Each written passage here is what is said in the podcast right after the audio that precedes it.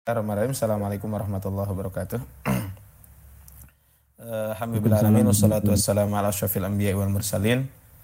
Sayyidina wa maulana Muhammadin wa ala alihi wa sahbihi ajma'in. Qala Allah Ta'ala fil Qur'anil Karim, A'udzu billahi minasyaitonir rajim.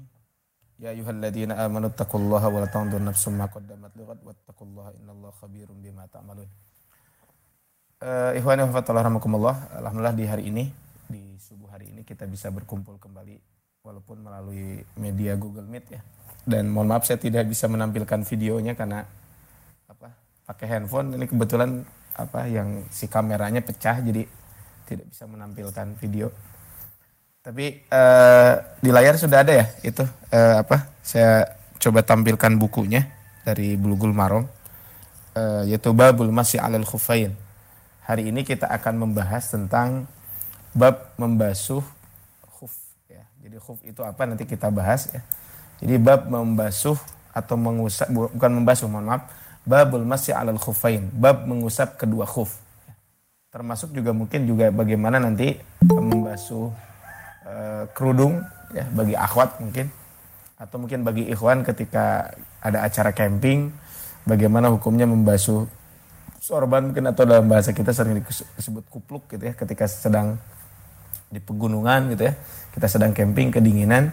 Atau mungkin ketika ada yang terluka nah bagaimana membasuh uh, apa mengusap mohon maaf ya. Jadi mengusap luka ya yang memang tidak boleh terkena air ketika kita berwudu. Nah tapi ikhwan babul alal khufain. Ya di sini bab mengusap kedua khuf.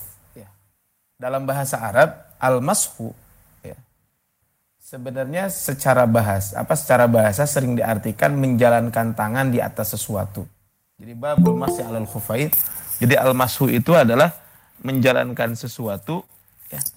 Jadi menjalankan tangan di atas sesuatu. Ini adalah secara secara bahasa seperti itu. Sehingga babul masih alal khufaid. Para ulama menyebutkan ketika membahas tentang babul masih alal khufain adalah al mashu tadi saya ulangi bahwa imrarul yad ala syai' Jadi yang namanya al-mashu itu adalah menjalankan ya, tangan di atas sesuatu. Wasyar'an, kata Syekh Abdullah Al-Bassam di dalam kitabnya Taudihul Ahkam Syarah Bulughul Maram, kata beliau yang dimaksud dengan al-mashu itu adalah isobatul yad al-mubtallatu bil ma' ilin makhsus fi zamanin makhsus. Secara terminologi fikih kata Syekh Abdullah Al-Bassam bahwa yang namanya mengusap apa al-mashu tersebut adalah membasahi tangan dengan air pada penutup khusus dalam masa tertentu. Kemudian babul masih alal khuffain. Nah, al khuffain ini adalah khuffain tasniah dari kata khuf. Ya, jadi tasniah dari kata khuf. Sedangkan khuf itu secara bahasa adalah al-khifaf allati tulbasu ala rij, ala rijli. Ya, secara bahasa adalah yang namanya al-khuf itu adalah sesuatu yang dipakai di kaki. Itu namanya khuf. Ya, jadi bisa jadi maknanya sendal gitu ya. Secara bahasa seperti itu. Sepatu itu namanya khuf. Walaupun dalam terminologi fikih, dalam istilah fikih yang namanya khuf itu adalah as-satir lil ka'baini fa akthar min jildin wa nahwi. Ya. Jadi yang namanya khuf itu adalah penutup kedua mata kaki hingga ke bawah kaki. Jadi yang namanya khuf itu adalah yang menutup kaki dari mata kaki sampai ke bawah min jildin wa nahwihi. Baik itu dari kulit termasuk dan yang sejenisnya. Nah, termasuk mungkin dalam konteks sekarang yang namanya khuffain ini mungkin kalau dalam bahasa apa uh, apa yang namanya khuffain ini ya kalau kita berbicara tentang khuf ya khuffain ini adalah dalam sebentar saya search di Google ya biar apa khuffain itu seperti apa gitu ya bahwa kalau kita membaca dari terminologi fikih bahwa yang namanya khuffain itu gitu ya. E, apa? Yang namanya khuffain itu ya. Khuf ya.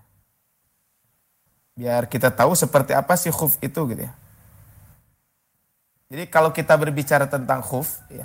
Nah, nah ini mungkin bisa dilihat di apa saya tampilkan di ini. Nah, ini yang namanya khuf itu seperti ini. Nah, jadi kalau kita berbicara khuf itu dalam istilah sekarang khuf itu seperti ini. Tapi kalau dalam istilah fikih yang namanya khufain itu adalah penutup kedua mata kaki hingga ke bawah kaki dan terbuat dari kulit atau sejenisnya. Itu namanya adalah adalah khuffain ini. Nah, memang mungkin di kita jarang ya bagi yang pernah umroh atau haji memang pernah mungkin melihat yang seperti ini. Ya. Baik, kita kembali tadi babul masih alal khuffain. Ya. Kenapa babul masih alal khuffain ini dimasukkan ke dalam kitab toharoh dan pembahasannya setelah wudhu? Ya. Karena ya pembahasan babul masih alal khuffain dimasukkan ke dalam bab toharoh dan pembahasannya setelah wudhu karena sangat berkaitan erat dengan apa dengan wudhu ini. Ya, karena membasuh, eh, maaf, mengusap khufain itu adalah dilakukan saat berwudhu. Sehingga sangat tepat kalau bab ini dimasukkan ke dalam ke dalam bab toharoh ini. Tapi ikhwan rahmatullah kalau kita berbicara tentang babul masih alal khufain, maka sesungguhnya babul masih alal khufain ini ya kaitannya sangat erat dengan ya, rukhsah keringanan yang Allah berikan kepada kepada kita sebagai sebagai umatnya. Jadi yang namanya babul masih alal khufain kata Syekh Al-Bassam, ya beliau mengungkapkan bahwa pengusapan ini merupakan rukhsah atau keringanan hukum yang Allah berikan yang melalui Rasulullah kepada kita semuanya. Dan biasanya konteks ini biasa di, apa, berlaku ketika musim dingin gitu ya sangat dingin banget sehingga orang banyak menggunakan khuffain khuffain tersebut. Tapi ikhwan rahmatullah kalau kita berbicara tentang babul masih alal khuffain bahwa ya pelaksanaan mengusap khuf ditetapkan berdasarkan hadis-hadis Nabi Shallallahu alaihi wasallam yang mutawatir. Ya. Bahkan kata Syekh Al-Utsaimin rahimahullah ya, di dalam kitabnya Fathidil Jalal wal Ikram Syarah Bulgul Maram kata Syekh Utsaimin rahimahullah beliau mengatakan bahwa ini juga dalilnya berdasarkan dari Al-Quran. Ya, di dalam surat ya, Al-Ma'idah ayat ke-6 disebutkan ketika berbicara tentang wudhu. Itu kan ya ayuhalladzina amanu idha kumtum ila salati fagsilu wujuhakum wa aydiyakum ilal marafiq. Ya. Wamsahu biru'usikum wa arjulakum ilal ka'bain. Ada sebagian riwayat ya bukan wa arjulakum tapi wa arjulikum ya. Ala qiraatil jar wa hiya qiraatu sab'iyat apa sab'ah ya. Ya dalam kalau kita berbicara tentang qiraah sab'ah itu ada yang membaca wa arjulikum. Li'anna ayat ala qiraatil jar taj'alu qalu wa arjulakum minal mamsuhat wa ala qiraatin nasfi taj'aluha minal maghsulat. Ketika kita membaca wa arjulakum berarti kaki itu bagian yang harus dibasuh tapi ketika kita membaca wa arjulikum dalam surat Ali apa Al-Maidah ayat ke-6 itu wa arjulikum itu berarti maknanya adalah wa arjulikum ini bahwa kaki itu adalah termasuk yang di, yang diusap. Ya. Ini adalah kaitan dengan ini sehingga para ulama mengatakan ketika dengan kiroah wa arjulikum ini menunjukkan adalah babul masih alal khuffain. Kaitan dengan hadis ya, yang berbicara tentang al-masu alal khuffain ya Disebutkan kata Imam Hasan Al-Basri mengatakan tidak kurang dari 70 sahabat Rasulullah Sallallahu Alaihi Wasallam yang menceritakan kepadaku bahwa beliau Sallallahu Alaihi Wasallam mengusap kedua khufnya. Jadi bisa dibayangkan, kurang lebih ada 70 sahabat Rasul yang meriwayatkan tentang itu. Kalau kata Imam Ahmad, beliau mengungkapkan, kata Imam Ahmad rahimahullah, Laisa fi nafsi minal masih syai'un. Kata beliau, dalam hatiku tidak ada keraguan sedikit pun tentang apa dibolehkannya mengusap khuf. Kenapa? Karena kata beliau, fihi arba'una hadisan anin Nabi sallallahu alaihi wasallam. Kata beliau ada 40 hadis Nabi ya yang meriwayatkan tentang itu. Ini kata Al-Imam Ahmad rahimahullah ya. Sehingga Al-Imam Ibnu Munzir mengutip di dalam kitabnya di dalam kitab Al-Ijma'-nya kata beliau bahwa para ulama sepakat ala jawazil masih alal khuffain dibolehkannya kita mengusap dua dua khuf ini. Sekali lagi ini adalah ijma ulama ahlu sunnah wal jamaah. Jadi ulama ahlu sunnah wal jamaah sepakat kaitan dengan babul masih alal khuffain ini. Tetapi ada beberapa ulama akidah ya, memasukkan babul masih alal khuffain ini ke dalam bab akidah. Kenapa kok dimasukkan ke dalam bab akidah? Padahal ya, ini adalah babul masih alal khuffain jelas adalah ini tentang al-amaliyah al-fiqhiyah. Ini tentang aplikatif kaitan dengan bab fikih. Kenapa kok dimasukkan ke dalam ke dalam bab ya ke dalam bab akidah. Ada sebagian ulama yang memasukkan ini adalah ke dalam bab akidah karena memang ya, disebutkan anna rafidah wa hum ashabul bid'ati wa ma'rufah yarawna anna al-masa 'ala al-khuffain la yajuz. Karena rafidah ya, ataupun ini salah satu aliran sesat dalam bab akidah. Mereka mengatakan bahwa al-masu 'alal khuffain ini bukan termasuk ibadah dan ini tidak dibolehkan. Kenapa? Karena menurut mereka ya, hadis-hadis yang berbicara tentang al-masu alal khuffain itu dihapus oleh ayat Al-Quran surat Al-Ma'idah ayat ke-6. Bahwa wa arjulakum ilal ka'bain. Padahal tentu pendapat ini tidak benar. Sehingga para ulama kenapa memasukkan ke dalam bab akidah. Bukan ini bab akidah karena ada kelompok-kelompok tertentu yang mengingkari tentang bab ini.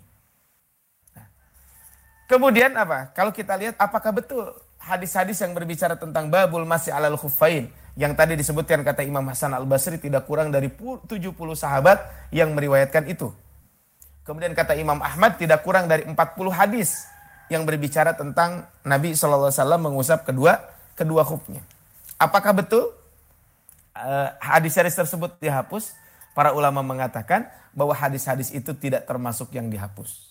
Kenapa? Karena surat Al-Maidah ayat ke-6 ya, para ulama mengatakan bahwa surat ini turun kepada saat para apa, para ahli sejarah sepakat bahwa ayat wudhu surat Al-Maidah ayat ke-6 ini turun saat perang Bani Mustalid ya yang terjadi ketika itu di bulan Sya'ban tahun ke-6. Sedangkan hadis yang berbicara tentang babul masih alal khufain terjadi pada perang Tabuk yang itu pada bulan Rajab tahun ke-9 Hijriah.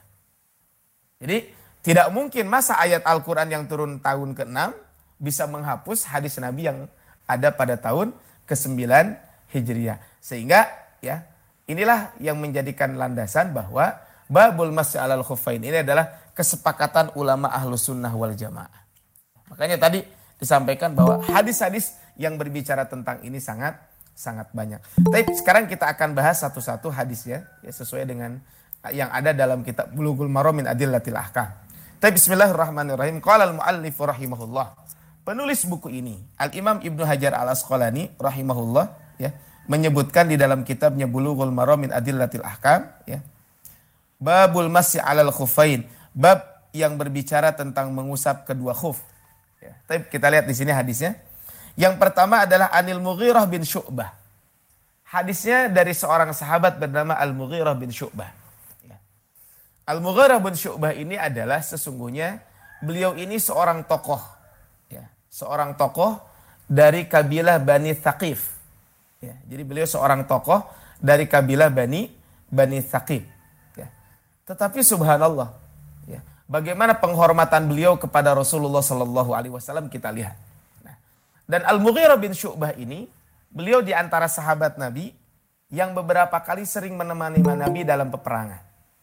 Salah satunya adalah ketika perang Tabuk, ya tadi ini dalil inilah salah satunya yang menunjukkan bahwa babul masih alal khuffain itu adalah tidak dihapus oleh ayat Al-Quran surat Al-Maidah ayat ke-6 karena ini terjadi ketika perang ketika perang Tabuk. Nah, perang Tabuk terjadi pada tahun ke-9 Hijriah. Nah, Anil Mughirah bin Syu'bah. Dari Mughirah bin Syu'bah. Kala beliau berkata. Kuntu ma'an Nabi sallallahu alaihi wasallam. Kata beliau dulu aku pernah bersama Nabi sallallahu alaihi wasallam. Maksudnya adalah bersama Nabi adalah yang itu pada perang Tabuk ya ketika beliau pulang ya hina raja alaihi salatu wassalam wa kana maul Mughirah bin Syu'bah yanqulu lahul ma liwudu'ihi wastinja'ihi. Ketika itu adalah pulang dari perang Tabuk di perjalanan dan ketika itu beliau termasuk orang yang membawakan air untuk wudhu beliau, untuk wudhu Rasulullah SAW dan untuk istinja yang kemarin kita bahas di bulan yang lalu. Ya. Kemudian fatwa doa, kemudian Rasulullah SAW wudhu ketika itu. Karena sudah disiapkan air wudhunya, kemudian beliau berwudhu. Fa'ahwaitu li anzi'a Kata Al-Mughirah bin Syu'bah, maka fa'ahwaitu maka aku merunduk untuk melepas kedua khufnya. Syekh Al-Basam ketika menjelaskan apa yang dimaksud dengan ahwa itu. Ya, kata beliau, ahwaitu ini adalah ya, ahwaitu ya. Fil misbah disebutkan di dalam kitab Al-Misbah bahwa ahwa ila syai' biyadihi maddaha liyakhudahu idza kana an qurbin. Jadi ahwaitu itu adalah mengulurkan tangan untuk mengambil sesuatu di bawah. Itu namanya adalah ahwaitu. Sebenarnya bisa akhoda yakhudu kan mengambil. Tapi ahwa ya, itu maknanya adalah mengambil sesuatu ya, dengan menjulurkan tangan dan yang diambil itu dekat.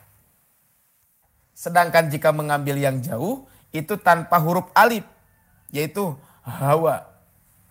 Ya, jadi hawa itu artinya adalah mengambil sesuatu yang yang jauh.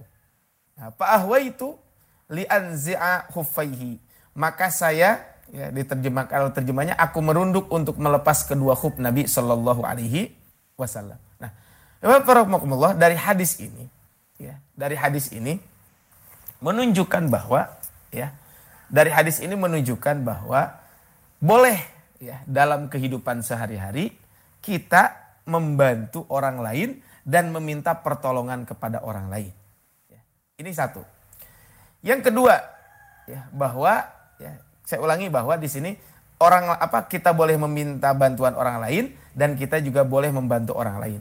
Dan dari hadis ini juga dibolehkannya melayani seorang yang terhormat dengan cara menyiapkan sepatunya atau seperti melepasnya atau membawanya jika pelayan tersebut karena melihat faktor keagamaan, keilmuan, kedudukan dan lain sebagainya. Nah, kemudian dari hadis ini juga pelajarannya adalah boleh kita berwudu di muka umum dan itu tidak mengurangi kesopanan. Apalagi jika orang-orang tersebut adalah teman-temannya, para pembantunya dan para pengikutnya. Maka ini dibolehkan. Apalagi kalau ada unsur untuk mengajarkan sesuatu kepada kepada orang lain. Kemudian ya, hadis ini setelah itu disebutkan bahwa faqala kemudian Rasul bersabda, "Da'huma tinggalkan." Ya, maksudnya adalah da'huma, tinggalkan kedua sepatu saya. Ya. Tinggalkan kedua kedua sepatu saya. Maksudnya apa tinggalkan kedua sepatu saya? Tadi kan mau dicepat, mau dicopot, maka bahasa kitanya udah nggak usah dicopot. Fa inni adkhaltuhuma tahirataini. Kata beliau karena ya, saya ketika memasukkan atau ketika mengenakan kedua khuf tersebut, saya mengenakannya dalam keadaan suci. Famasaha alaihima. Kemudian Rasulullah Shallallahu alaihi wasallam mengusap kedua khuf tersebut. Muttafaqun alaih, hadis ini riwayat Imam Bukhari dan Imam Muslim. Walil arba'ati, dan menurut imam yang empat. Nah, ini perlu disampaikan. Dalam kitab Bulughul Maram min Adillatil Ahkam, kalau ada ungkapan walil arba'ati, menurut imam yang empat, itu bukan imam Abu Hanifah, Imam Malik, bukan. Tapi yang dimaksud dengan menurut imam yang empat ini adalah maksudnya ashabus sunan ya, yaitu Imam Abu Daud, Imam Tirmidzi, Imam Nasai dan Imam Ibnu Majah. Maka di sini disebutkan walil arbaati. Ya. Anhu illan Nasai. Menurut ulama yang empat kecuali Imam Nasai. Disebutkan anna Nabi sallallahu alaihi wasallam khuf wa asfalahu. Maka Rasulullah SAW ketika itu mengusap khufnya itu atas dan bawah. Wa fi isnadihi dha'fun tapi kata Imam Ibnu Hajar al Asqalani, tapi sanad hadis ini adalah sanad hadis yang lemah. Tapi ikhwan wa ini adalah hadis Nabi Shallallahu alaihi wasallam ya, yang menjadikan salah satu dalil bahwa mengusap khuffain ini adalah dibolehkan di dalam syariat. Ya.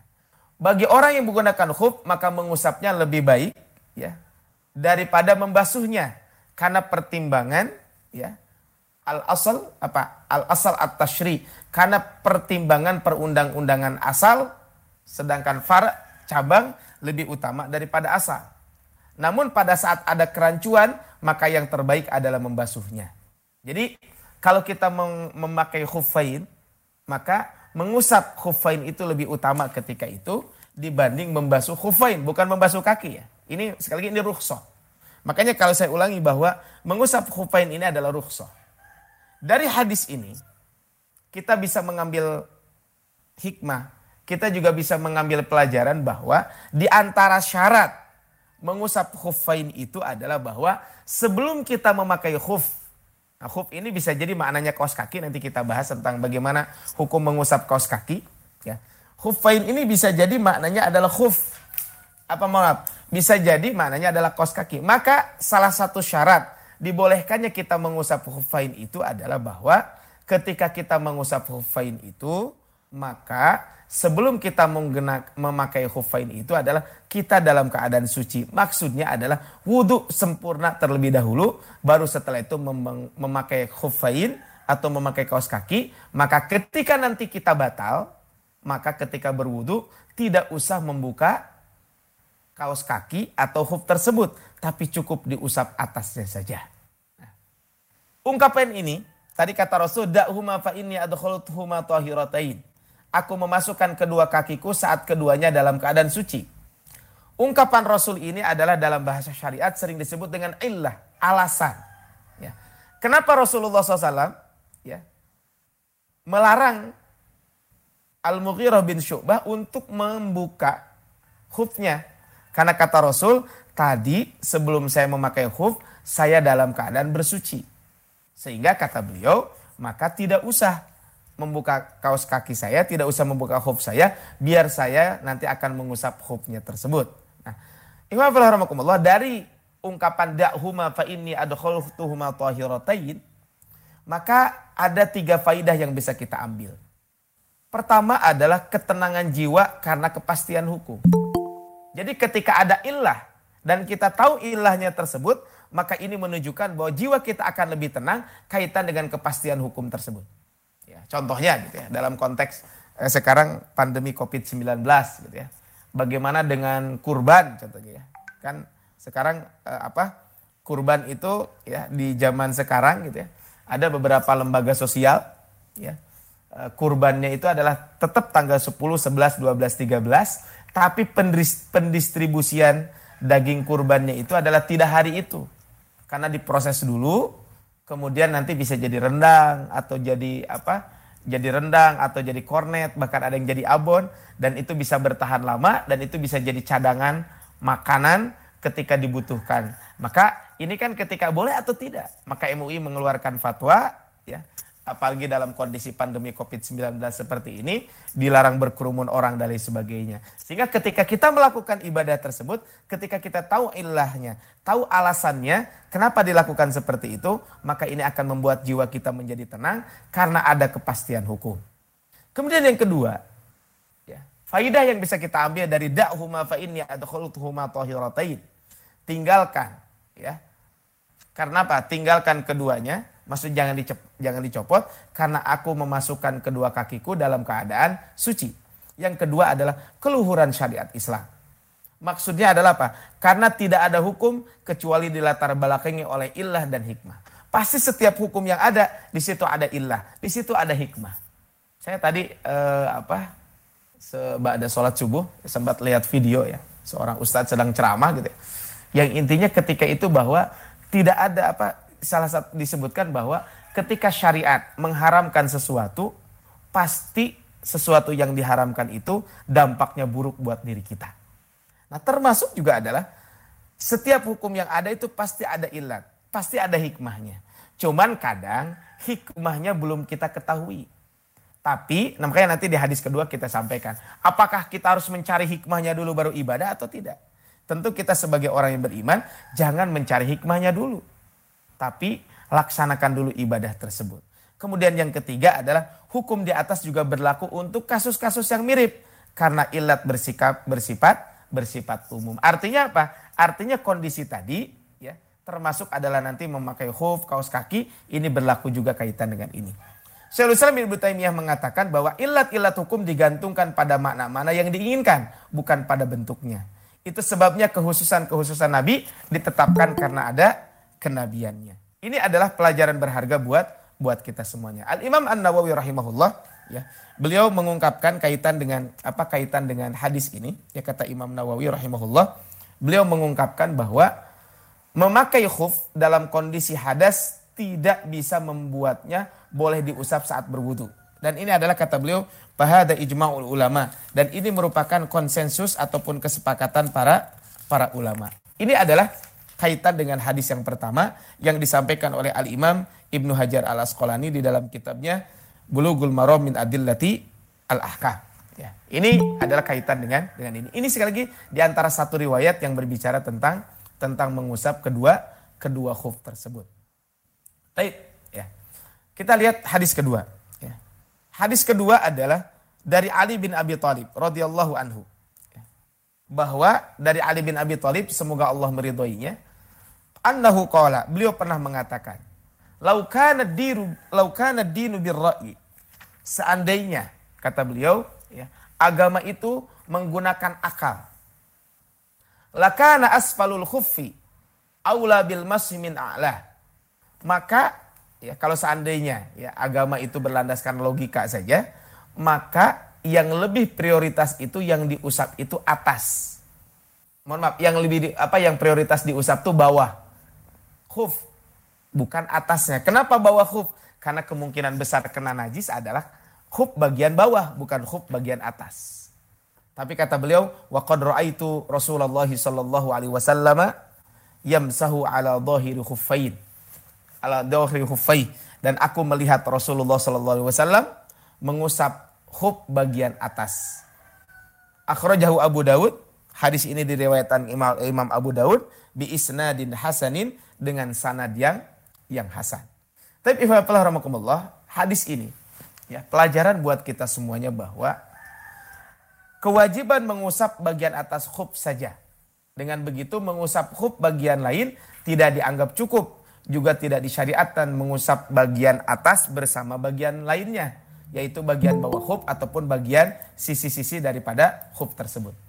Tapi ini adalah kata Syekh Abdul Al-Basam ketika menjelaskan tentang tentang ini. Kalau kita lihat memang di dalam apa di dalam literatur fikih bahwa yang diusap hub itu yang mana? Yang atas atau yang bawah? Dalam madhab Malikiyah mengatakan mengusap seluruh bagian atas huf sedangkan bawahnya hanya disunnahkan saja. Jadi yang wajib adalah seluruh bagian atas khuf tersebut. Sedangkan dalam madhab syafi'iyah mengatakan cukuplah sekedar mengusap sebagian dan itu sudah ter, sudah dibolehkan mengusap khuf tersebut. Sedangkan dalam madhab Hanabilah mengatakan bahwa haruslah terusap sebagian besar bagian depan dan atas khuf. Tidak disunahkan mengusap bawah dan belakangnya sebagaimana perkataan Al-Hanafiyah. Jadi bedanya itu ya. Jadi yang jelas kalau mengusap bawah itu tidak diwajibkan. Hanya ada mengatakan sunnah, ada mengatakan tidak. Tapi kata Syekh Abdul Al-Basam di dalam kitabnya Taudihul Ahkam, Syarah Bulughul Maram kata beliau, maka mengusap bagian khuf bawah itu adalah termasuk tidak dibolehkan. Kenapa? Karena hadis tadi yang disampaikan ya, yang di atas tadi ya bahwa menurut ulama empat kecuali Imam Nasai bahwa Rasul mengusap khuf bagian atas dan bagian bawah itu adalah hadis lemah. Dan kata Ali bin Abi Thalib, justru saya melihat Rasulullah SAW mengusap khuf itu bagian atas. Nah, jadi kalau kita mengusap khuf itu adalah bagian atasnya saja, tidak usah bagian bawah. Nah, pelajaran dari hadis ini juga bahwa agama itu dibangun berdasarkan wahyu dari Allah atau periwayatan dari Rasul. Ya. Pandangan akal tidak menjadi pemutus. Dengan begitu yang wajib adalah mengikuti apa yang telah ditetapkan oleh dalil-dalil baik Al-Quran dan sunnah Nabi Shallallahu Alaihi Wasallam. Jadi landasan kita dalam beragama itu adalah dibangun berdasarkan wahyu dari Allah Subhanahu Wa Taala dan periwayatan dari Rasulullah Shallallahu Alaihi Wasallam. Walaupun kadang ya, mungkin secara logika bisa jadi ya tadi tidak masuk akal. Tadi contohnya khufaid yang berhak untuk dias, dibasuh itu, mohon maaf, diusap itu bukan bagian atas, tapi bagian bawah. Tapi ternyata karena apa? Bagian bawah kan paling pas untuk diusap. Kenapa? Karena kemungkinan besar bersentuhan dengan tanah dan kemungkinan terkena najis lebih besar. Ya, dan tentu itu layak untuk di, diusap. Namun yang wajib adalah mendahulukan an-naql. Yang wajib adalah mendahulukan Al-Quran dan Sunnah Nabi dari pandangan akal. Allah menetapkan syariat lebih mengetahui maslahat yang ingin diwujudkan. Ini tidak berarti agama Islam mengabaikan peranan akal, bukan itu.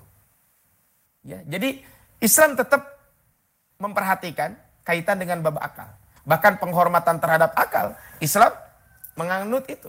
Salah satunya adalah di antara ad al-khamas. Ada lima yang harus dijaga itu adalah hibdul akli. yaitu menjaga akal. Bahkan di dalam ayat-ayat Al-Quran banyak berbicara tentang bagaimana Islam memandang tentang penghormatan terhadap akal. Contohnya afala taqilun, afala tatadakkarun. Gitu ya. Ini kan penghormatan terhadap akal. Bahkan disebutkan dalam surat Al-An'am ayat ke-22, Inna syarrad dawabi indallahi sumul bukmul ladina la yaqilun. Sesungguhnya binatang atau makhluk yang seburuk-buruknya pada sisi Allah adalah orang-orang yang pekak dan tuli yang tidak mengerti apa pun. Ini kan menunjukkan bahwa Islam memperhatikan masalah akal. Akal merupakan karunia agung yang diberikan Allah kepada manusia. Maksud di, dari hadis ini bahwa akal tidak bisa berdiri sendiri. Ia harus menerima syariat Allah Subhanahu wa taala. Makanya jika ada syariat bertentangan dengan akal, berarti akalnya harus diperbaiki. Jadi jangan mengedepankan, jangan mengedepankan akal akal tersebut. Makanya orang beriman di dalam surat Ali Imran ayat ketiga, kami beriman kepada ayat-ayat yang mutasyabihat, semua itu dari sisi Allah Subhanahu wa taala. Nah, ini adalah kaitan dengan dengan bab ini. Bahwa dari hadis ini bahwa menunjukkan bahwa agama kita berlandaskan wahyu Allah Subhanahu wa taala, bukan mengedepankan akal. Dan sekali lagi adalah agama yang kita apa agama Islam, dalil-dalil yang ada, hukum-hukum yang ada itu pasti ber, tidak bertentangan dengan akal yang benar. Ya. Jika ada yang bertentangan ber, dengan akal berarti akalnya harus di, diperbaiki. Wallahu alam, ya hikmah mungkin di balik hukum ini adalah bahwa membasuh dengan air dapat merusak hub sehingga cukup dengan mengusap saja. Kenapa tidak dibasuh? Karena bisa merusak hub tersebut. Untuk itu maka dicukupkan dengan mengusap khuffain tersebut. Dan mengusap hub tadi diceritakan oleh Mughirah bin Syu'bah. Ini adalah dalam hadis Mughirah bin Syu'bah itu kan mujmal.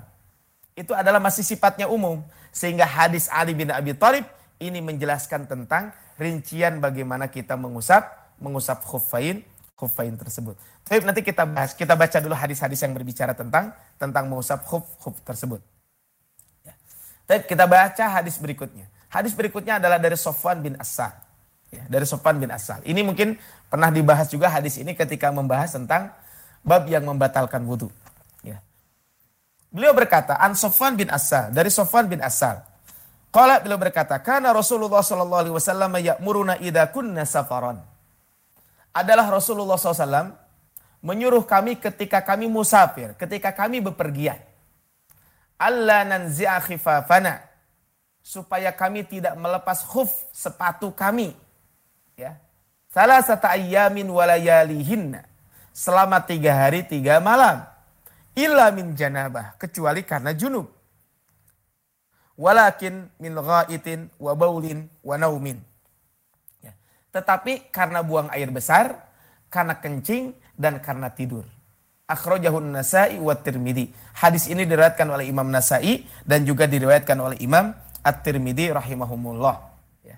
Walabdulahu dan lafad adalah milik Imam At-Tirmidhi. Ya, redaksi hadis ini milik Imam Tirmidzi, wa Ibnu Huzaimah wa sahahahu dan juga Ibnu Huzaimah dan menilainya hadis ini adalah termasuk hadis hadis sahih. Tapi hadis ini ya, menunjukkan tentang dibolehkannya mengusap khuf saat bepergian. Sebagaimana sebenarnya dibolehkan juga saat tidak dalam bepergian. Tetapi menyebutkan bepergian kenapa? Karena lebih dibutuhkan saat bepergian untuk mendapatkan rukhsah, untuk mendapatkan keringanan. Jadi mengusap hub itu bukan ketika musafir saja, bukan ketika bepergian saja. Tetapi ketika sedang tidak bepergian pun dibolehkan mengusap hub tersebut. Nah ikhwan wa kalau kita lihat dari hadis-hadis ini, ya dari hadis ini bahwa ya salah satu keringanan yang Allah berikan ketika musafir sangat banyak. Dan ketika kita sedang mukim, maka biasakanlah kita melakukan berbagai macam aktivitas kebaikan supaya supaya apa? Supaya ketika kita sedang musafir, kita tidak bisa melakukan aktivitas kebaikan tersebut dan kita tetap mendapatkan pahala yang sama.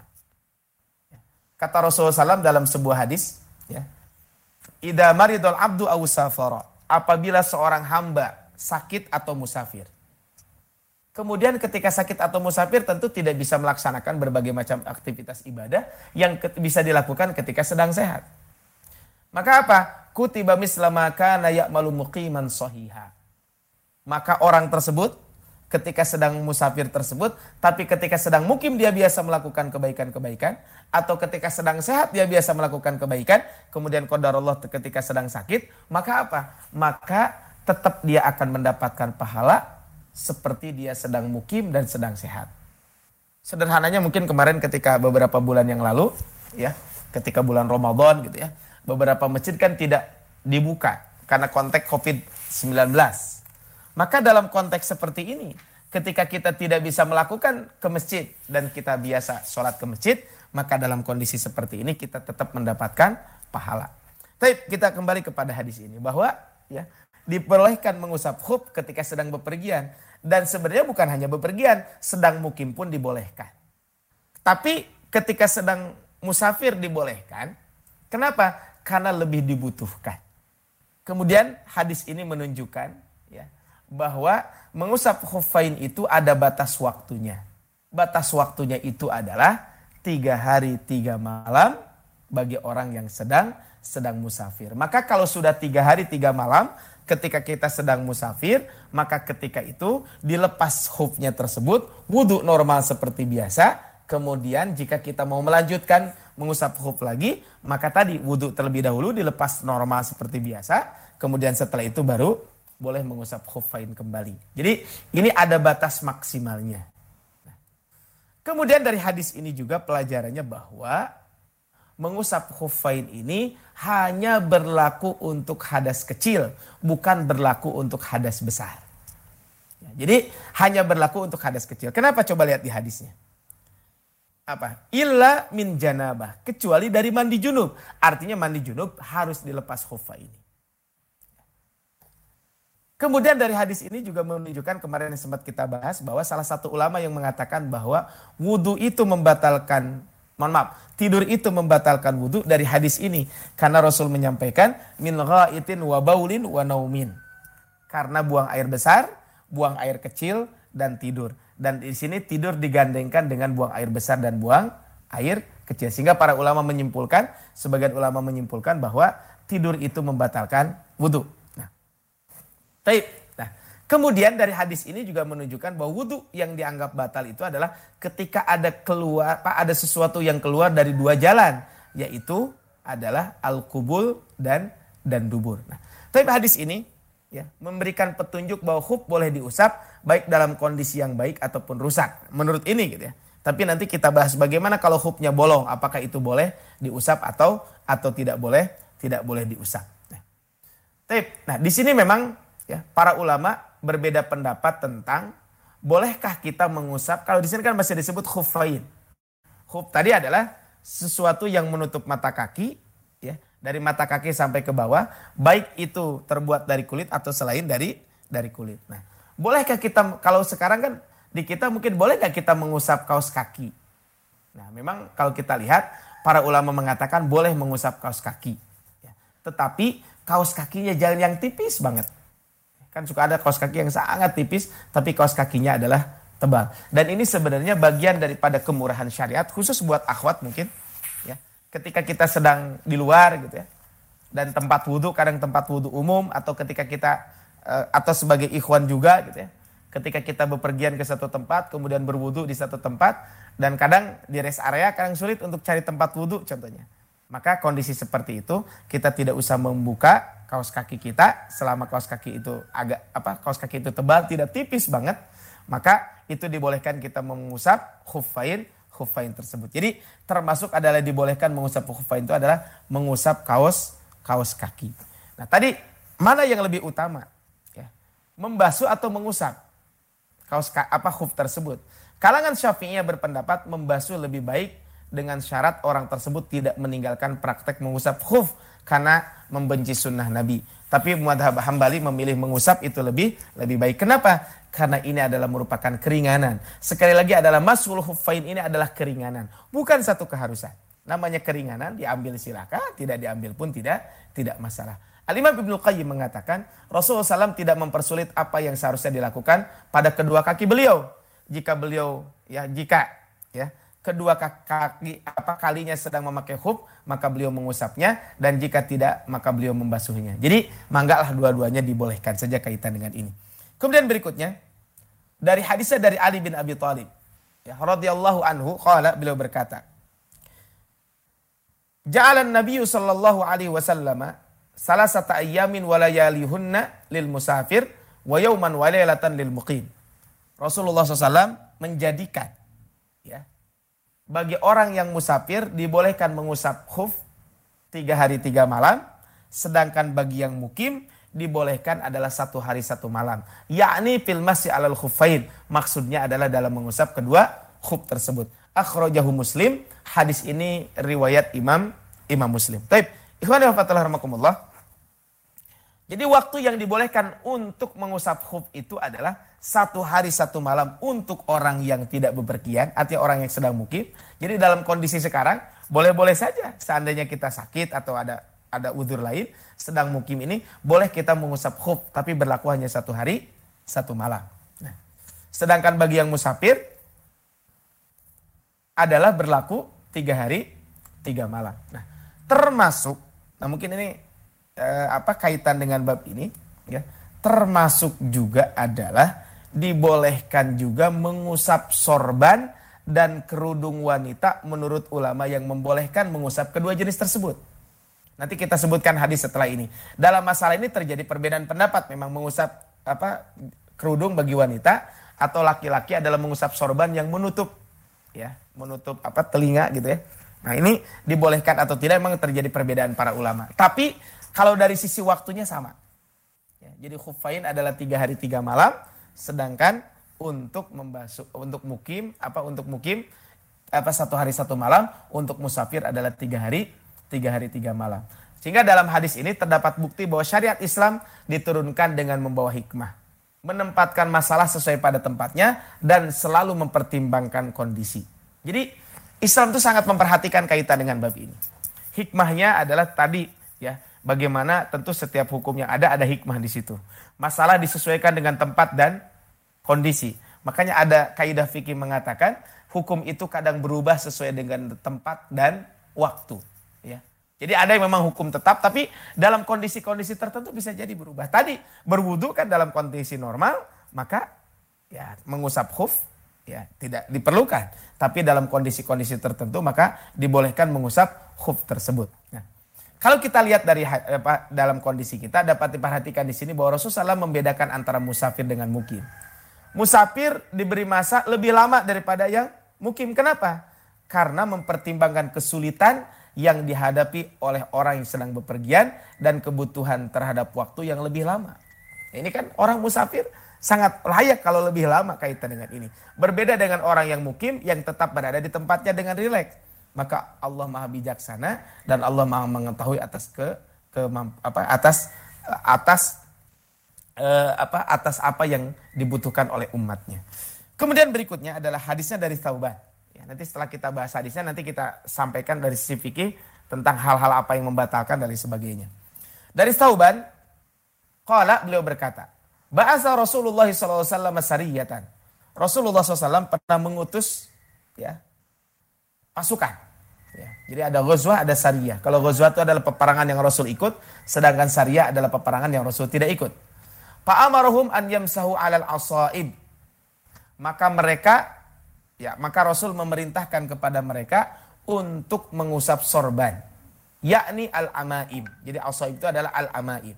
Wat tasakhin dan juga dianjurkan untuk mengusap at-tasakhid yaitu yakni al-khifaf yang dimaksud dengan tasakhin itu adalah khuffain. Nah, ini menunjukkan bahwa dari hadis ini diperbolehkannya mengusap sorban dan khuf saat bepergian. Jadi saat bepergian dibolehkan kita mengusap khuf dan dan sorban. Sebagaimana dibolehkan saat bepergian safar mengusap keduanya juga dibolehkan saat tidak mukim. Dengan demikian ini adalah keringanan hukum ini adalah bersifat bersifat umum. Dalam hadis ini ya dapat mengambil pelajaran juga bahwa untuk apa? Untuk apa? Terdapat pengajaran untuk para pasukan mengenai hal-hal yang berkaitan dengan hukum syariat yang diperlukan. Di samping itu juga mengingatkan para pemimpin, panglima perang dan penengjau keamanan agar menjaga pasukan dengan cara-cara syar'i, khususnya dalam hal-hal yang berkaitan dengan hukum syariat. Jadi dalam konteks apa pun syariat ini ada hukumnya. Maka kita semuanya adalah harus berpegang teguh kepada hukum-hukum yang telah yang telah ada yang telah ada tersebut. Baik. Kemudian tadi ini sedikit mungkin dari hadis ini Syekh Abdul Al-Basam ya di dalam kitabnya membahas tentang bagaimana hukumnya jika hub itu bolong. Maka hub itu jika bolong, jika sobek atau berlubang, maka dilarang untuk mengusap hub ini menurut Imam Syafi'i dan Imam Ahmad. Meskipun sobekannya hanya satu atau sobekannya adalah kecil. Dalil mereka bahwa adalah apa? Kenapa kok ini tidak sah hubnya kalau sobek? Maka kenapa? Karena anggota tubuh yang tampak maka harus dibasuh. Sedangkan anggota tubuh yang tidak tampak maka diusap. Masalahnya adalah membasuh tidak dapat digabung dengan mengusap. Nah ini kan dalilnya adalah seperti itu. Kan kewajiban asalnya kaki itu dibasuh. Kemudian karena kita mengenakan khuf dan itu tertutup, maka cukup diusap saja. Nah ketika ada yang bolong kan berarti ada anggota tubuh yang nampak kelihatan.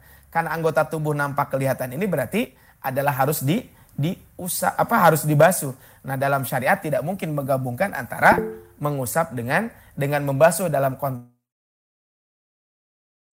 berkumpul dengan sesuatu yang digantikan dalam satu tempat.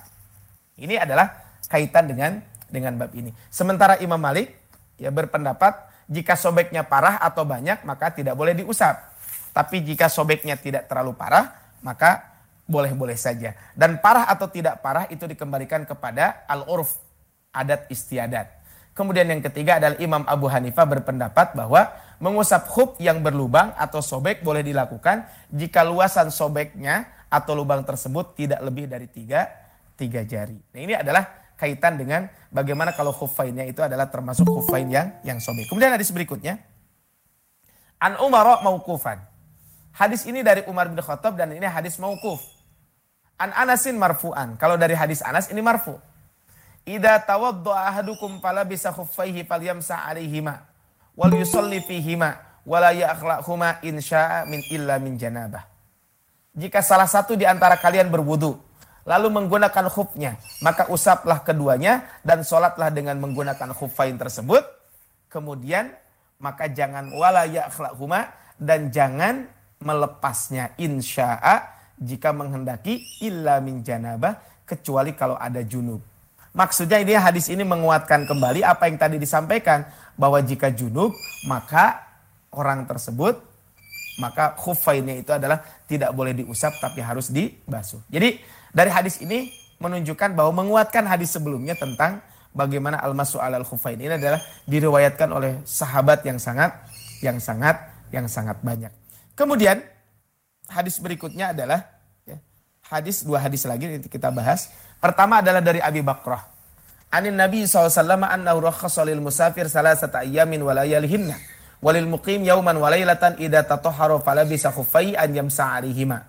Jadi Rasulullah SAW memberikan rukhsah keringanan mengusap kedua khuf ke, apa kepada yang musafir tiga hari tiga malam dan bagi yang mukim satu hari satu malam. Jika ia telah jika ia telah bersuci lalu mengenakan kedua khuf ini. Ini menguatkan hadis sebelumnya yang itu hadis Al-Mughirah bin Syu'bah. Bagaimana Rasul ketika ketika melakukan meng, apa, mengusap khufain kata Rasul da'huma fa inni adkhaltuhuma tahirataini. Tinggalkan kan aku ketika mengenakan khuf ini dalam keadaan dalam keadaan suci. Kemudian an Ubay bin Imarah. Hadisnya adalah dari Ubay bin Imarah. Annahu qala, beliau berkata, "Ya Rasulullah, amsahu 'alal khuffain." Apakah ya, bolehkah aku mengusap kedua khuffain? Qala na'am. Iya. Qala yauman, apakah satu hari? Qala na'am. Iya, kata Rasul. Qala yauma wa yauma ini bagaimana dengan dua hari ya Rasul? Qala na'am. Iya, boleh. Qala wa salasati ayyam. Ya Rasul, bagaimana kalau tiga hari? Qala na'am. Iya, kata Rasul. Wa masyikta dan terserah semaumu. Akhrajahu Abu Daud. Hadis ini diriwayatkan oleh Imam Abu Daud. Wa qala laisa bil qawi. Tapi kata Imam Abu Daud mengatakan hadis ini bukan termasuk hadis yang kuat. Kenapa kok disebutkan hadis ini ya, di dalam bab ini?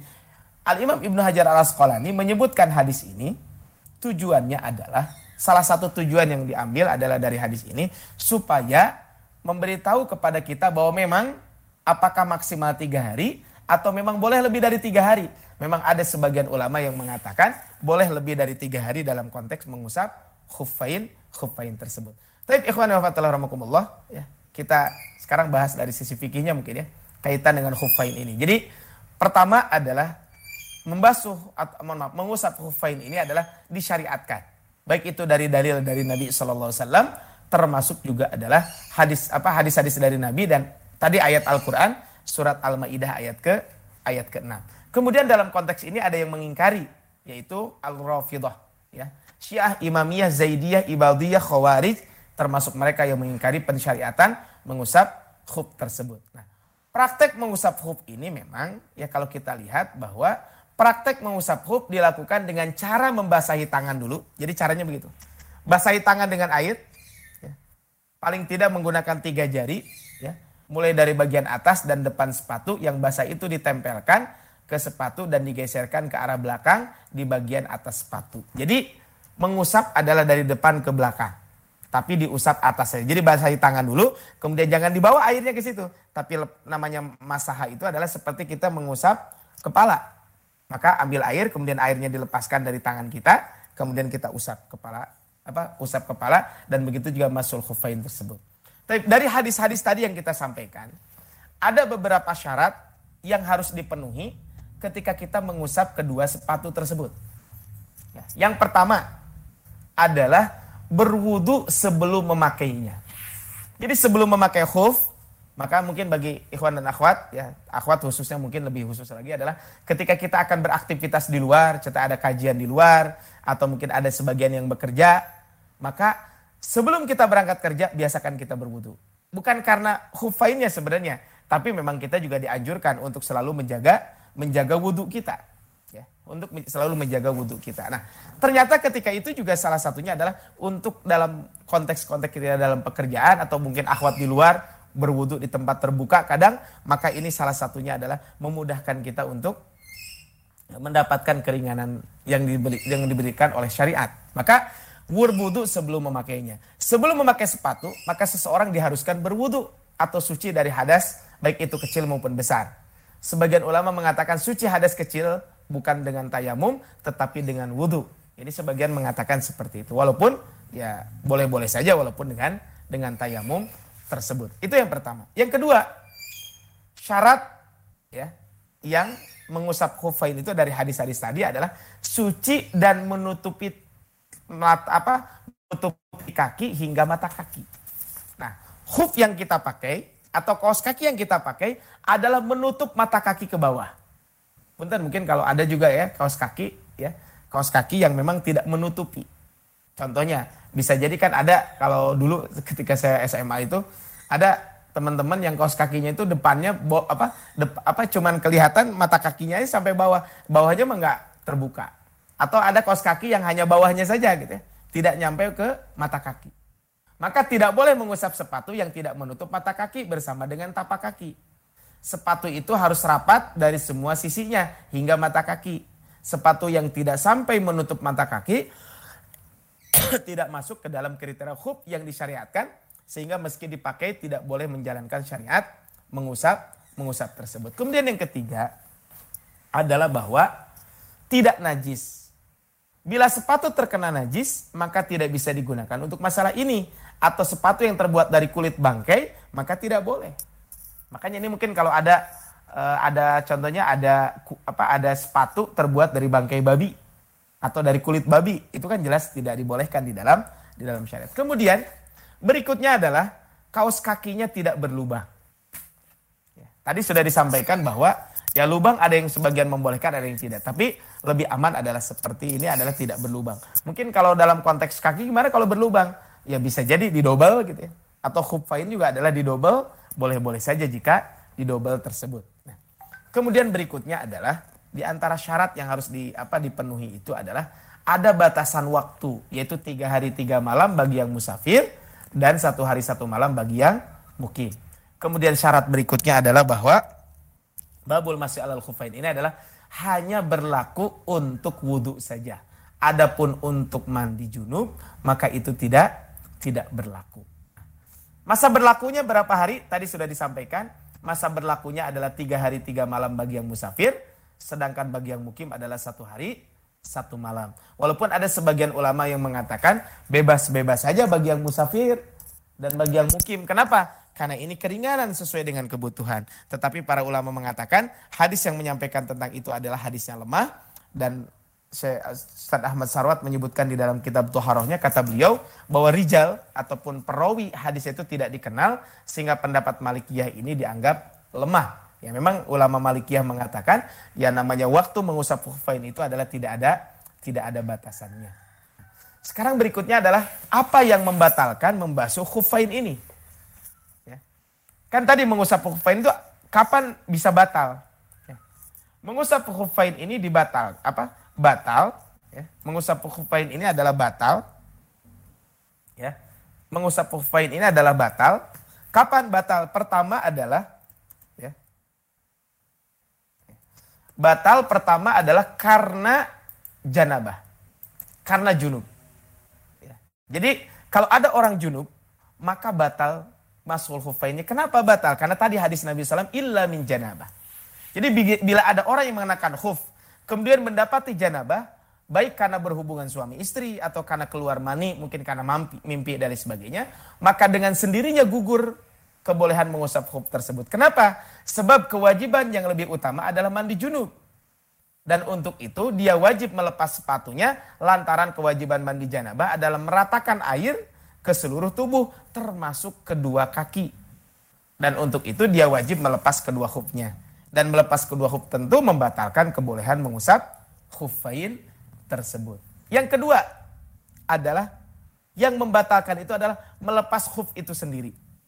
Jadi kalau hubnya itu dilepas, maka berarti batallah mengusap hub untuk berikutnya. Kecuali dia berwudhu dengan sempurna dulu, dengan membasuh kaki, kemudian barulah setelah itu nanti di wudhu berikutnya baru dia boleh untuk mengusap khuf tersebut. Jadi apabila sehari-hari apa? Apabila selama hari-hari dibolehkan mengusap dua khuf, seseorang melepas sepatunya, maka kebolehan mengusap khuf dengan sendirinya menjadi gugur. Kenapa? Sebab syarat pelaksanaan syariat ini adalah selalu dikenakan kedua khuf tanpa dilepas. Jadi bagi yang mukim selama 24 jam dalam sehari semalam harus tetap menggunakan khuf. Makan, minum, tidur semuanya digunakan itu. Termasuk bagi yang mukim ya tiga hari tiga malam itu tidak tidak pernah dicopot. Kemudian yang ketiga adalah berlubang atau robek hingga terlihat. Atau apa? Hingga terlihat ya sesuatu yang harus dibasuh yaitu kaki. Dengan berlubangnya sepatu sehingga kaki yang di dalam sepatu bisa terlihat, maka kebolehan mengusap kedua khuf dengan sendirinya menjadi menjadi batal. Kemudian berikutnya adalah habisnya waktu. Jelas ya, habisnya waktu. Tadi ada waktu tiga hari tiga malam bagi yang mukim dan satu hari satu malam bagi yang bagi yang musafir. Tapi ya ada sedikit tambahan mungkin ya eh, apa ada sedikit tambahan kaitan dengan ya eh, terkaitan dengan bagaimana ya memang eh, apa penulis mengatakan maksudnya Al-Imam eh, Syekh Abdullah Al-Basam mengatakan hadis ini tidak menjelaskan bolehnya mengusap khuf perban. Nah, ini kan hadis apa hadis ini tidak menjelaskan bolehnya mengusap perban. Ini kan juga penting. Mungkin bisa jadi ya ada orang yang kecelakaan gitu ya. Kemudian harus digip atau ada orang kecelakaan kemudian diperban dan dia tidak boleh kena air dulu kan bisa jadi. Nah, kemudian akhirnya dia di diperban. Nah, dalam bahasa fikih sering disebut dengan jabirah. Jabirah itu adalah kayu, potongan kain atau gips dan lainnya yang diletakkan pada tulang yang patah atau luka. Ini kan bisa jadi kayu, bisa jadi potongan kain, bisa jadi gips dan yang lainnya yang diletakkan pada tulang, apa pada tulang yang patah atau luka. Ini kan memang tidak disebutkan di dalam bab ini. Asal muasal masalah ini adalah hadis yang diriwayatkan oleh Abu Daud dan Ad-Darqutni dari Jabir bin Abdullah bahwa Nabi SAW bersabda dalam masalah orang yang punya luka. Jadi kalau ada orang punya luka dan kata dokter tidak boleh terkena air, bagaimana cara berwudunya? Maka cukup bagimu membalut lukanya dengan kain dan mengusapnya dan memasuh bagi, dan membasuh bagian tubuh yang lainnya. Seandainya contohnya ada orang naudzubillah min dalik Allah, dia kecelakaan lalu lintas. Kemudian orang tersebut patah tangannya. Otomatis kemudian karena patah tangannya di diperban, apa di gips gitu ya. Dan tentu harus copot gips kan susah juga. Ya.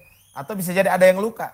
Maka ketika itu perbannya itu jadi cukup diusap, gak usah dibasuh, cukup diusap di atas perbannya, sedangkan tempat lain yang tidak luka maka tetap dibasuh seperti biasa. Contohnya, lukanya apa? Lukanya yang kanan.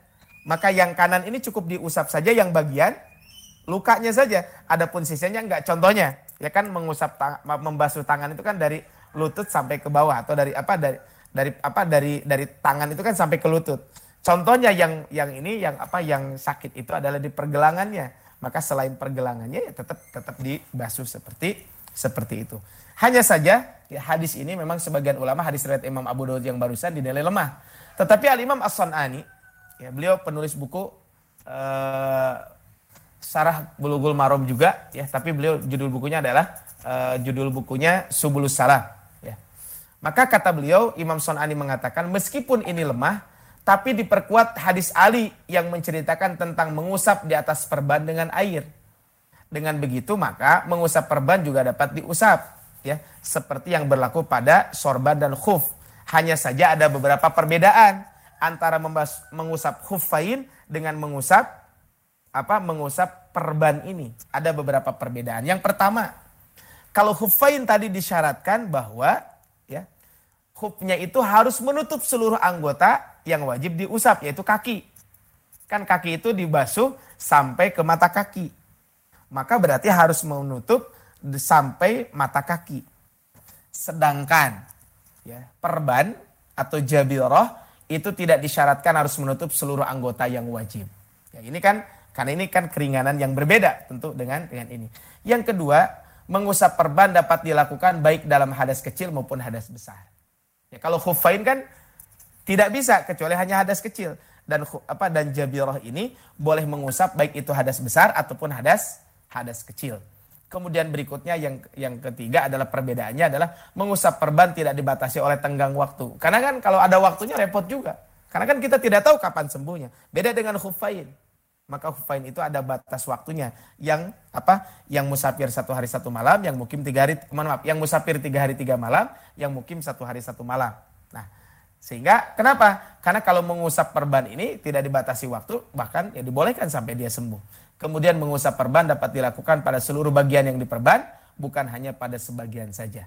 Jadi kalau khufain kan tadi cuma atasnya saja, tapi kalau perban adalah semua yang diperbannya itu adalah di diusap dan itu dibolehkan di dalam di dalam syariat kaitan dengan mengusap mengusap perban perban tersebut.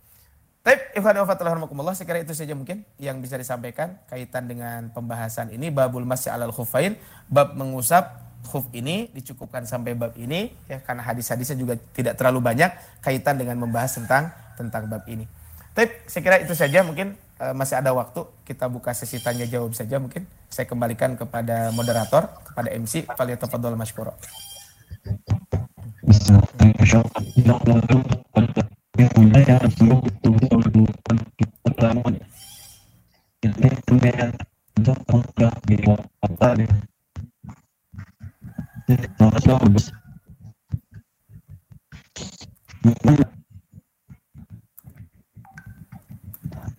Masa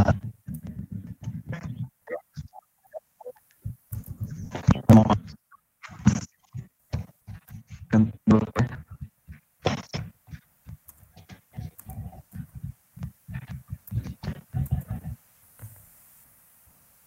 Halo? Atau saya bacakan saja lah ininya ya, pertanyaan-pertanyaannya. Siap Ustaz. Ya, ya Ini ada beberapa pertanyaan. E, pertama dari Kang Ilyasa, Mufti Muhyiddin. Ustaz izin bertanya, apakah mengusap hub bagi orang yang bermukim itu mubah dalam keadaan apa dalam segala keadaan atau harus ada kondisi kesulitan jika berwudu secara secara normal. Jadi sebenarnya uh, ini ya apa ini kan rukhsah. Yang namanya rukhsah, yang namanya keringanan itu tentu dalam kondisi yang memang diperlukan. Ya, jadi tidak sepanjang masa dibolehkan gitu. Maka apa? Konteksnya biasanya ya adalah kalau ada bagi yang mungkin mungkin karena sakit atau mungkin karena memang ada faktor-faktor lain ya. Karena namanya rukhsah kan keringanan tentu ada sesuatu yang membuat harus diringankan. Dalam kondisi normal ya tentu tidak. Ya, jadi ini adalah bukan dalam kondisi normal. Contohnya mungkin bisa jadi udara sangat dingin maka kita mengusap khufain khufain tersebut. Jadi ini memang bukan dalam kondisi normal terus. Kalau musafir, karena musafir kan itu satu membutuhkan satu keringanan. Sehingga khuf ini ketika bagi yang mukim itu tentu harus dalam kondisi kondisi ya memang dibutuhkan untuk itu, bukan dalam kondisi normal seperti biasa. Misal sebelum kegiatan belajar mengajar di kelas, saya sudah mengenakan sepatu, wudhunya batal. Ketimbang melepas sepatu dahulu dan wudhu kembali secara normal, apakah boleh jika saya berwudhu kembali dengan mengusap khuf tersebut? Ya memang jika ada kebutuhan yang harus dilakukan ya nggak apa-apa. Tapi dalam kondisi normal dan e, contohnya apa? Kita pakai kaos kaki dan nanti kalau buka kaos apa buka sepatu kaos kaki jadi membuat kita jadi terlambat dan sebagainya, berarti kan itu ada hajat, ada kebutuhan. Jadi kalau tanpa ada kebutuhan ya tidak tidak usah mengusap khufain khufain tersebut. Tadi kalau dalam konteks belajar mengajar boleh-boleh saja kan kita karena tadi untuk kalau mengelepas kaos kaki pakai sepatu lagi kan jadi nanti juga membutuhkan waktu dan sebagainya. Cukup dengan diusap atasnya saja tidak masalah. Tapi sekali lagi adalah ketika ada hajat, ketika ada kebutuhan yang memang kaitan dengan ini. Tapi dalam kondisi normal seperti biasa tentu itu di, tidak usah mengusap khuf tersebut. Kemudian ini ada dari Kang Rahmat ya, Rahmat Novianto. Ustaz izin bertanya, kalau misalkan kita menggunakan sepatu itu tidak menutup mata kaki, tetapi kita menggunakan kaos kaki yang melebihi mata kaki, apakah bisa? Nah bisa. Ya. Jadi kalau kaos kaki, kan ada sepatu yang tidak menutup mata kaki, tapi kaos kakinya menutup mata kaki boleh, boleh diusap di atas apa di atas sepatunya, ya di atas sepatunya atau ya mungkin dicopot sepatunya diusap mata kakinya. Tapi kalau kalau mata kakinya diusap, dibuka kan jadi repot juga ya. Jadi kalau mata kakinya dibuka, eh mohon maaf mata kaki.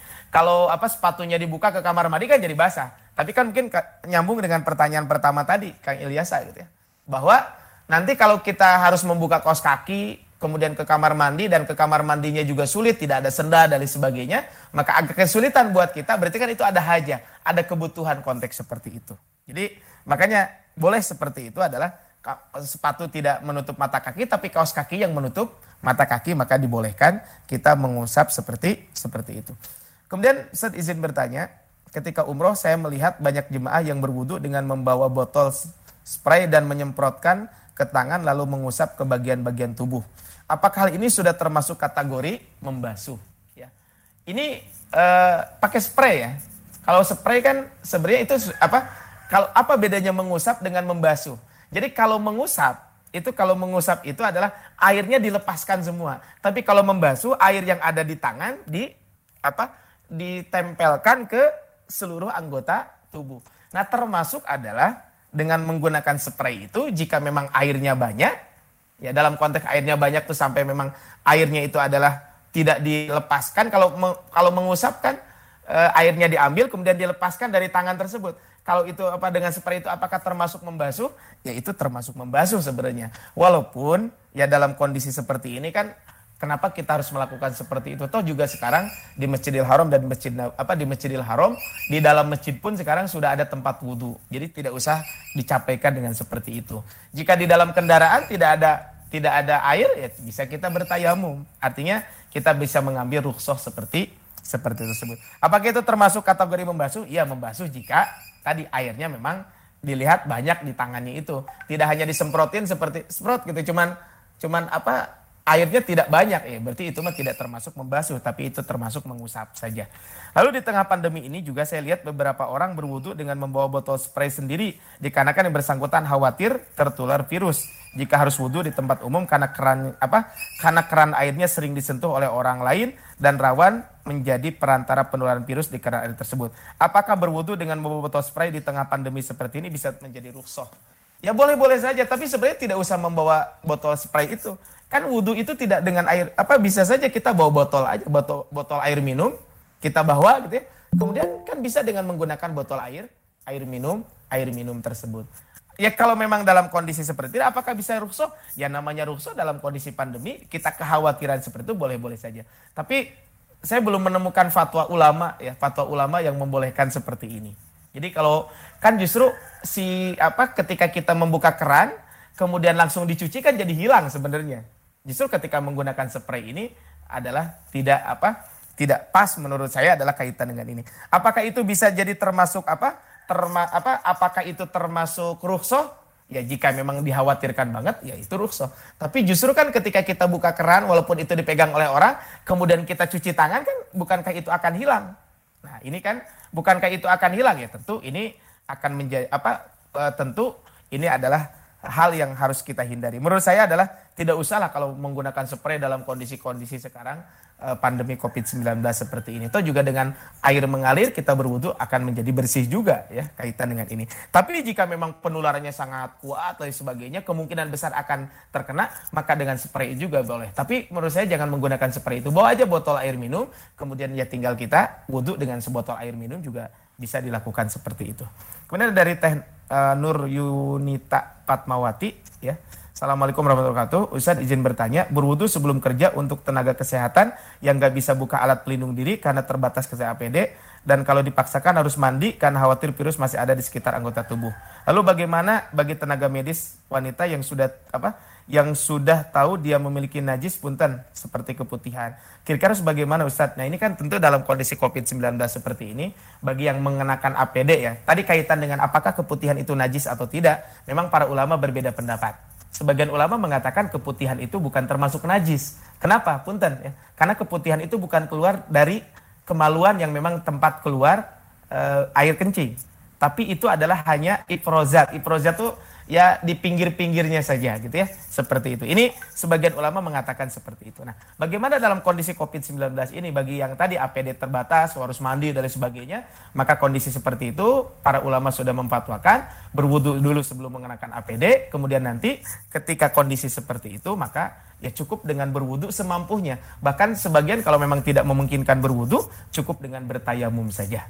Kenapa? Karena kondisinya adalah kondisi yang tidak memungkinkan kita untuk apa untuk melakukan wudhu dengan dengan norma. Tentu ini eh, MUI kalau nggak salah sudah memfatwakan kaitan dengan apa yang ditanyakan oleh Tenur ini gitu ya.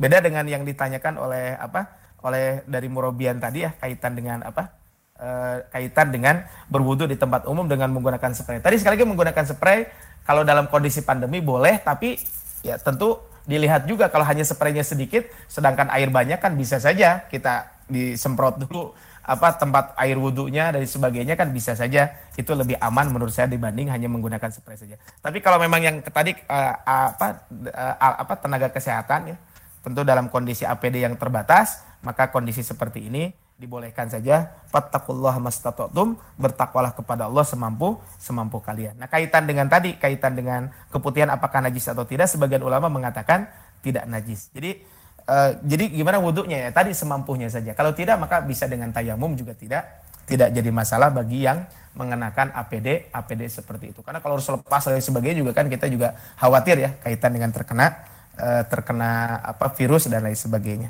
Itu barangkali Allah alam pertanyaan-pertanyaan yang ada ya. Saya kembalikan kepada MC, mangga. Ya. Bismillah. Mungkin Ustaz suara saya jelas Ustaz? Suara jelas jelas jelas. Ya, alhamdulillah. Ini oh Ustaz uh, kalau boleh tahu bisa waktunya sampai jam berapa Ustaz? Uh, mangga sih. Kalau ada pertanyaan lagi mas silakan saja. Silakan kepada rekan-rekan jika ada yang ingin bertanya lagi bisa melalui chat atau langsung langsung di unmute saja kalau jika memang sampai jam satu menit lagi aja ya sampai jam 6.40 memang tidak ada pertanyaan kita tutup saja ya coba kita tunggu satu menit biar dipaskan 6.40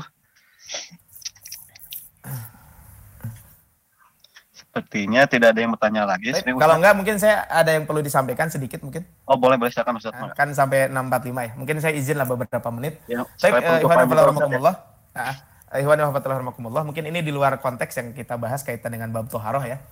E, sebentar lagi kita akan menghadapi satu bulan yang istimewa. Mungkin juga sering diingatkan, tapi perlu saya ingatkan juga gitu ya. Mungkin nanti e, ada, saya juga ada videonya ya, di YouTube, mungkin mangga bisa dicek juga e, di channel saya bahwa sebentar lagi kita akan menghadapi satu bulan yang istimewa yaitu bulan Dhul Hijjah.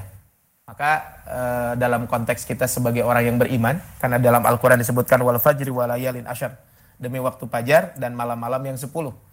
Nah, para mufassirin mengatakan bahwa malam yang sepuluh ini adalah malam sepuluh awal bulan Dhul Hijjah. Walaupun memang ada beberapa pandangan ulama lain. Tapi wallahu alam, ya pendapat yang paling kuat adalah sepuluh awal bulan. Maka dalam konteks pandemi Covid-19 ini, ya tentu ya, kata kata Rasul dalam sebuah hadis, ihfadillah yahfadka. Jagalah Allah, niscaya Allah akan menjagamu. Nah, e, dalam konteks Covid-19 ini kan salah satu sarana ya, bagaimana dengan apa istilah di, di provinsi mah ABK ya adaptasi AKB, adaptasi kebiasaan baru atau dalam konteks ini adalah new normal. Tentu kan kita harus bertawakal kepada Allah. Bertawakal kepada Allah tentu dengan dua cara. Satu, bertawakal itu adalah dengan kita betul-betul ya melaksanakan protokol kesehatan yang sudah ditetapkan oleh uh, apa orang yang berko, apa orang yang apa yang ahli di bidangnya. Ya tentu ini protokol medis yang dijalankan. Kemudian yang kedua adalah dengan cara apa? Kita mendekatkan diri kepada Allah. Makanya kata Rasul, ihfadillah ya fadka. Jagalah Allah, niscaya Allah akan menjagamu. Nah, konteksnya adalah bagaimana kita menjaga Allah. Mungkin sekarang kan hari Selasa, malam Rabu pekan depan kan sudah tanggal 1. Apa yang kita lakukan? Satu, perbanyak zikir kepada Allah Subhanahu wa taala, ya. Karena kata Rasul, fa'aksiru fihinna minat takbiri wa tahmidi wa tahlil. Perbanyak takbir, tahmid dan tahlil. Ini kata Rasulullah sallallahu alaihi wasallam. Bahkan dalam ayat lain lihat kurusmallahi fi ayyamin ma'lumat. Di dalam surat apa Al-Hajj disebutkan supaya kalian mengingat Allah di hari-hari yang telah ditentukan. Dan para mufassirin mengatakan ya, hari-hari yang telah ditentukan itu adalah awal bulan Dzulhijjah. Ini adalah pertama perbanyak pikir. Yang kedua jangan lupa melaksanakan ibadah saum. Nah, dari sekarang mungkin kita niatkan ya saum minimal saum Arafah. Walaupun boleh juga kita melaksanakan saum 1 sampai tanggal 9 ya. 1 sampai tanggal 8 ya itu saum di awal Dhul Hijjah, kemudian saum tanggal 9 ya. Karena e, dalam beberapa riwayat disebutkan Rasul biasa saum 1 sampai tanggal 9. Tapi riwayat lain mengatakan Rasul tidak pernah saum 10 awal bulan Dhul Hijjah. Maksudnya para ulama menggabungkan kedua hadis tersebut, Rasul tidak saum terus-menerus karena khawatir itu jadi satu kewajiban. Minimal saum tanggal 9-nya kita melaksanakan ibadah saum. Kemudian yang ketiga adalah dengan kita juga apa dengan kita juga berkurban ya sekira kita dengan berkurban tapi konteks berkurban ini tentu ikuti protokol kesehatan ya. Kenapa? Karena kalau tidak mengikuti protokol kesehatan juga khawatir juga naudzubillah min dalik gitu ya. E, justru nanti ketika ada satu masjid terpapar positif gitu ya, gara-gara kurban ini kan yang dirugikan siapa ya? Tentu bukan bukan dia saja tapi umat Islam juga pasti akan dirugikan tuh katanya tidak menjaga protokol kesehatan dan sebagainya. Maka ini tetap dijalankan maka kurban ini adalah ibadah yang memang dilakukan setiap tahun bagi yang mampu, bukan hanya sekali seumur hidup. Dan mungkin sedikit ya saya cerita bahwa antum dan antuna mungkin bagi yang sudah bekerja gitu ya. Sebenarnya kan kalau mau berkurban itu mau kita harus punya planning, punya perencanaan. Apakah kita mau sebulan sekali, eh mohon maaf, apakah mau satu tahun sekali, atau dua tahun sekali, tiga tahun sekali. Nah dengan cara apa? Memang caranya adalah dengan kita menabung contohnya. Dan dengan kita menabung atau bagaimana lah caranya? Mungkin kalau antum dan antuna di tempat pekerjaan bagus mungkin buat komunitas dengan teman-teman. Contohnya setiap bulan dari gaji kita dipotong sekian, nanti dikumpulkan di si A. Sehingga e, kita bisa melakukan itu. Ada di beberapa kantor bahkan sudah dijalankan bahwa eh, DKM memfasilitasi gitu ya bahwa e, bagi karyawan yang mau kurban nanti setiap bulan dipotong gaji otomatis oleh bendahara dan itu masuk ke rekening masjid atau apa diambil oleh pengurus masjid. Tujuannya apa? Untuk memudahkan kita berkurban. Rasul menyampaikan dalam sebuah hadis kaitan dengan bab kurban ini tidak ada amalan yang paling dicintai oleh Allah pada tanggal 10 bulan Dzulhijjah kecuali kita berkurban. Ini kata Rasulullah SAW. Bahkan setiap satu helai apa setiap satu helai dari apa dari dari bina, apa dari rambut binatang yang kita sembelih itu adalah satu kebaikan kata Rasulullah Shallallahu Alaihi Wasallam. Nah, bagi yang mau berkurban tentu dianjurkan ya di sini dianjurkan mulai tanggal 1 tidak memotong kuku dan tidak memotong rambut.